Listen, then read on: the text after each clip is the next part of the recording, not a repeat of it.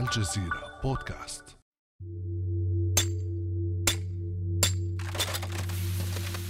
هذا صوت أنبوب إمداد الحليب بإحدى المزارع الأمريكية وقد كسر عمدا كي تنصرف كميات الحليب الطازج إلى مصارف النفايات بينما وقف العامل يراقب انتهاء العملية بملامح جامدة. في ولايتي ويسكونسن وأوهايو ألقى المزارعون بآلاف الجالونات من الحليب الطازج في البحيرات وحفر السماد وقاموا بالتخلص من أطنان من البصل والبيض. رغم هذه المشاهد فقد حذرت الأمم المتحدة من مجاعات مروعة بسبب تأثر إنتاج الغذاء بجائحة كورونا. فقد تعطلت الزراعة وبقيت المحاصيل عرضة للفساد في كثير من أنحاء العالم. بسبب القيود المفروضة على التنقل ما دفع ألمانيا للسماح للاجئين بالعمل في حصد المحاصيل لتعويض النقص في العمالة. فكيف يوفر العالم غذاءه في ظل كورونا؟ وكيف هو حال العالم العربي على صعيد الأمن الغذائي؟ بعد أمس من الجزيرة بودكاست أنا خديجة بن جنة.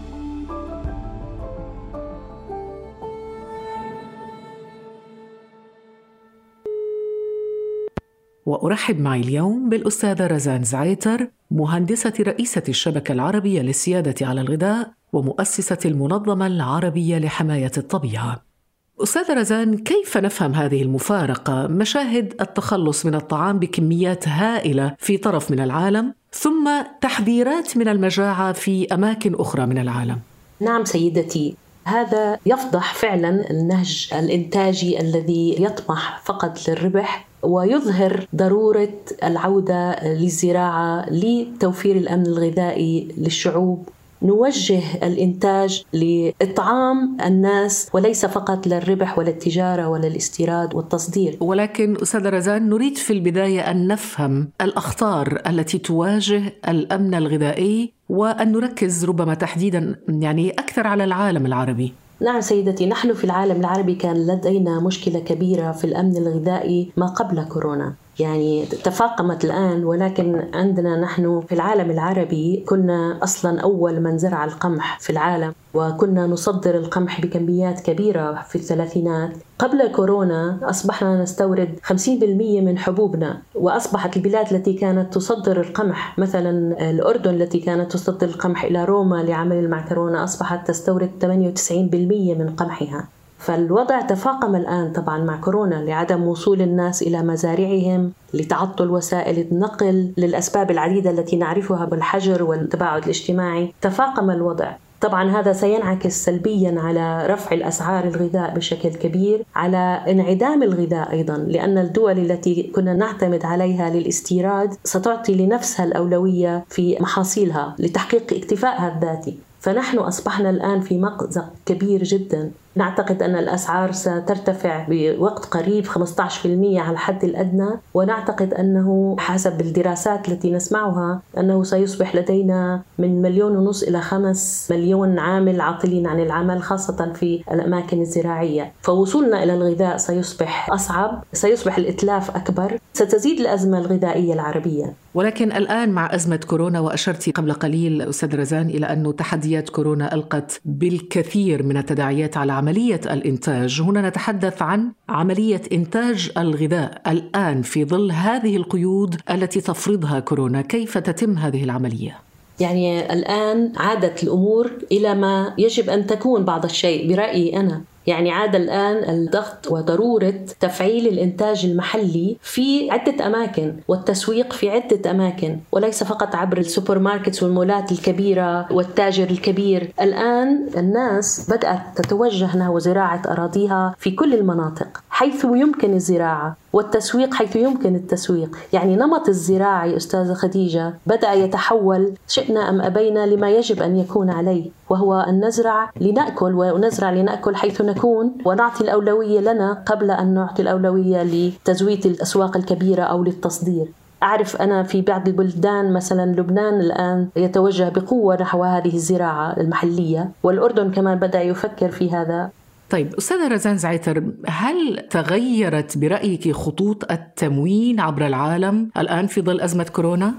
ما في شك يعني انقطاع المطارات والموانئ طبعا خطوط التموين تغيرت لأنه كما قلنا نحن في وطننا العربي نعتمد على الاستيراد ووصول الغذاء لنا أصبح صعبا جدا الآن. وحتى لو فتحت هذه الموانئ واحتاجت الدول الكبيرة التي تصدر لنا إلى مخزونها فلن يصلنا. فإذا هناك تهديد كبير لخطوط التموين. إذا ما الذي يضمن عدالة التوزيع توزيع الغذاء كي لا يتكرر المشهد الذي حدث في المزارع الأمريكية. أطنان من الطعام تهدر وفي المقابل ملايين من الجوعى في العالم. هناك العديد من التوصيات التي ممكن أن نعطيها بهذا الشأن. اولا يجب إعطاء الأولوية لإنتاج الغذاء المحلي القادر على تزويد الأسواق بالمنتجات بشكل مستدام وتقديم التسهيلات اللازمة لوصول المدخلات الزراعية لصغار المزارعين. كالأرض والبذور والمياه وأيضا تعزيز أشكال الحماية للعاملين بالقطاع الزراعي. يجب أن يكون هناك صناديق للمخاطر الزراعية يجب أن تلغى ديون الفلاحين الفقراء يجب أن تنشأ الصناديق الاستثمارية وتشجع الاستثمارات في القطاع الزراعي. أن يكون هناك أطر قانونية تخص استخدامات الأراضي حتى تحافظ على الأراضي الزراعية ومنع الاعتداءات عليها. يجب أن نعزز احتياطاتنا الغذائية الوطنية والإقليمية حتى إذا أصبح المأزق أكبر وأصبحت الطوارئ أكبر أن يكون عندنا مخزون لتوزيعه بعدالة على المستهلكين. وطبعا أول من يتأثر بهذه الاضطرابات هم سكان المخيمات. داخل خيمة بسيطة مرتبة انحنت زوجة النازح السوري أحمد عبود تمزج ما توفر لديها من مكونات لتعد وجبة شهية قدر الإمكان كي تفطر الأسرة بها في أول أيام شهر رمضان. بينما تحدث أحمد للصحفي الذي يحاوره عن الوضع الغذائي في المخيم. وجبات و... وجبات جاهزة ما عم بيجينا خالص. عم ندبر أمورنا عندنا برغل عندنا عدس عندنا عم نشتري عم نشتري مثلا عم بعمل لي سلطة عم بشتري قرص بندورة أو قرصين لأن كيلو بندورة ب 850 ليرة. هذا سلطه يعني أنا في عندنا حرمية يوم جارتنا امبارح نامت من غير عشاء. وجد عم بحكيك نامت من غير عشاء ما عندها. تعتمد المخيمات في أمنها الغذائي على المساعدات ما يجعلها الأكثر هشاشة ولكن المدن العربية أيضا تواجه تحديات في أمنها الغذائي. فبعد توقف روسيا وهي أكبر مصدر للقمح في العالم بعد توقفها عن تصدير الحبوب حتى نهاية يونيو تواجه إمدادات القمح العالمية تحديات كبيرة أستاذ رزان في ظل هذه التخوفات ما البدائل المتاحة أمام العالم العربي التي تعتمد ربما أغلب دوله على الاستيراد خاصة في السلع الأساسية مثل القمح؟ لقد ذكرت تأثير الوضع على المخيمات. أنا أريد أن أقول أن هناك سبب كبير لأزمة الغذاء قبل كورونا والآن تفاقمت هي الوضع السياسي في الدول العربية. الحروب الاحتلال العقوبات الاقتصادية هي ثلاثة أمور والفتن عزيزتي الفتن البينية. هذه الأمور هي من أسباب تفشي الجوع والفقر وتفاقمه في هذا الوضع بالذات. من أهم الأمور أن يلجأ الوطن العربي إلى إيقاف الحروب البينية ومواجهة الفتن المذهبية والدينية والتوجه نحو إيقاف الاحتلال أيضا حتى نحل جزء كبير من هذه المشكلة. كما أننا يجب أن نرفض تسييس المساعدات الغذائية واستخدامها ضد الشعوب. يجب أن يكون لدينا إرادة سياسية كدول وشعوب لمواجهة هذه الأخطار لأنها هي العامل المضاعف للجوع والفقر في هذه الأزمة وما قبلها. يجب أيضا أن نطالب بحقنا في عمل المنظمات الدولية العادل لبلداننا. وأعطي مثل هنا منظمة الأغذية والزراعة الدولية. فهي عطلت عملها في هذه الفترة ونطلب إيقاف هذا التعطيل والعودة إلى القيام بواجبها. يعني في معونات كبيرة كانت مرسومة للدخول مثلا إلى لبنان ووقفت الآن وهم بأمس الحاجة اليها للمزارعين خصوصا المزارعين الصغار في لبنان. كذلك أغلقت مكاتب الفاو وهي الآن الدول بأمس الحاجة لدعم هذه المنظمة في هذا الوقت بالذات أستاذ رزان زعيتر من الدول العربية من برأيك يمكن أن يواجه السيناريو الأسوأ في العالم العربي وما هي السلع المهددة؟ يعني برأينا نحن إذا كانت كورونا كشفت نقاط الضعف في الحصول على الغذاء عبر الاستيراد أنا أعتقد وأقولها بمحبة ورجاء أن تعتبر أولا دول الخليج بموضوع فقدان الغذاء لأنه الزراعة تحتاج إلى مياه وأرض ويد عاملة.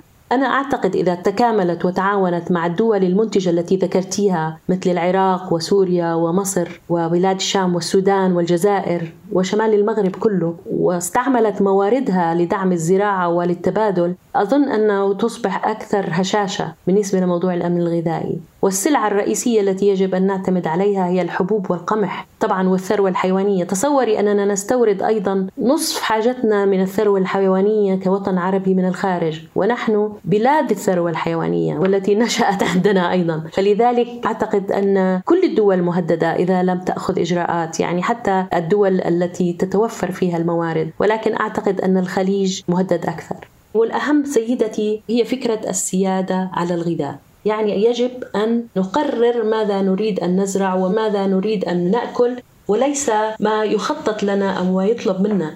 من أهم الأسباب لفقدان السيادة على غذائنا الهيمنة الغربية والأمريكية على مصائرنا. يعني كيسنجر يجب أن أقول لك في هذا البرنامج وهذا المنبر كيسنجر أعلنها بصراحة. إذا أردت أن تسيطر على الدول سيطر على النفط. إذا أردت أن تسيطر على الشعوب سيطر على غذائهم. فإذا نحن يجب أن نسيطر على غذائنا يجب أن نعتمد على زراعتنا وأن يكون لنا سيادة غذائية. ربما يبدو هذا الخطر قريبا جدا نظرا لاعتماد العديد من الدول العربية على استيراد السلع الاستراتيجية مثل القمح الذي تصل نسبة استيراده في بعض دول العالم العربي إلى 100% رغم اشتهار وادي النيل وسهول دجلة حتى خمسينيات القرن الماضي بغزارة وجودة الإنتاج. كان الخبز حاضرا في هتافات الربيع العربي، كان أيضا حاضرا في أروقة السياسة، واستخدم الأمن الغذائي ورقة للضغط السياسي على الأنظمة العربية.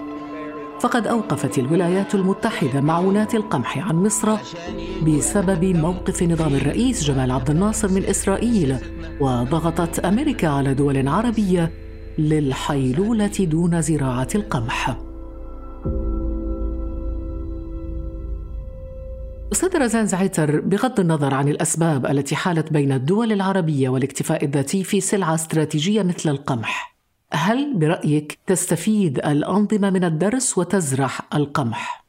يجب أن تستفيد الأنظمة من هذا الدرس. هذه فرصتها. أنا أعتقد أن هذه أهم وأفضل فرصة للاستفادة من الدروس الماضي نحن قادرون على إنتاج غذائنا وقادرون على إنتاج القمح وقادرون على إطعام شعوبنا. إذا لم تنتهز هذه الفرصة والوقت المناسب ستنقلب. المشكلة ليس فقط على الشعوب ولكن على الأنظمة نفسها مع الأسف. طيب أستاذ رزان في الأخير طبعا سمعنا مؤخرا بمبادرة الكويت لتوفير أمن غذائي خليجي. هل يمكن برأيك تعميم مثل هذه المبادرات؟ الكويت يعني مبادرة حتى يتجهوا نحو الأمن الغذائي يعني بيعملوا صندوق. عندهم هلأ تروج شيء اسمه الزراعة المائية بدون استعمال تربة وهذه زراعة مكلفة كثيرا وتحتاج الكثير من الأسمدة. هلأ كل مبادرة جمعية وحدوية هي مرحب بها ومشكورة. ولكن أمن غذائي خليجي بدون أمن غذائي عربي لا أعتقد أنه ممكن كما قلت لك. يجب أن يكون هناك مبادرة للتكامل العربي بغض النظر عن السياسة. لنضع الخلافات والسياسة جانبا ولنفكر بالحياة بحياة شعوبنا.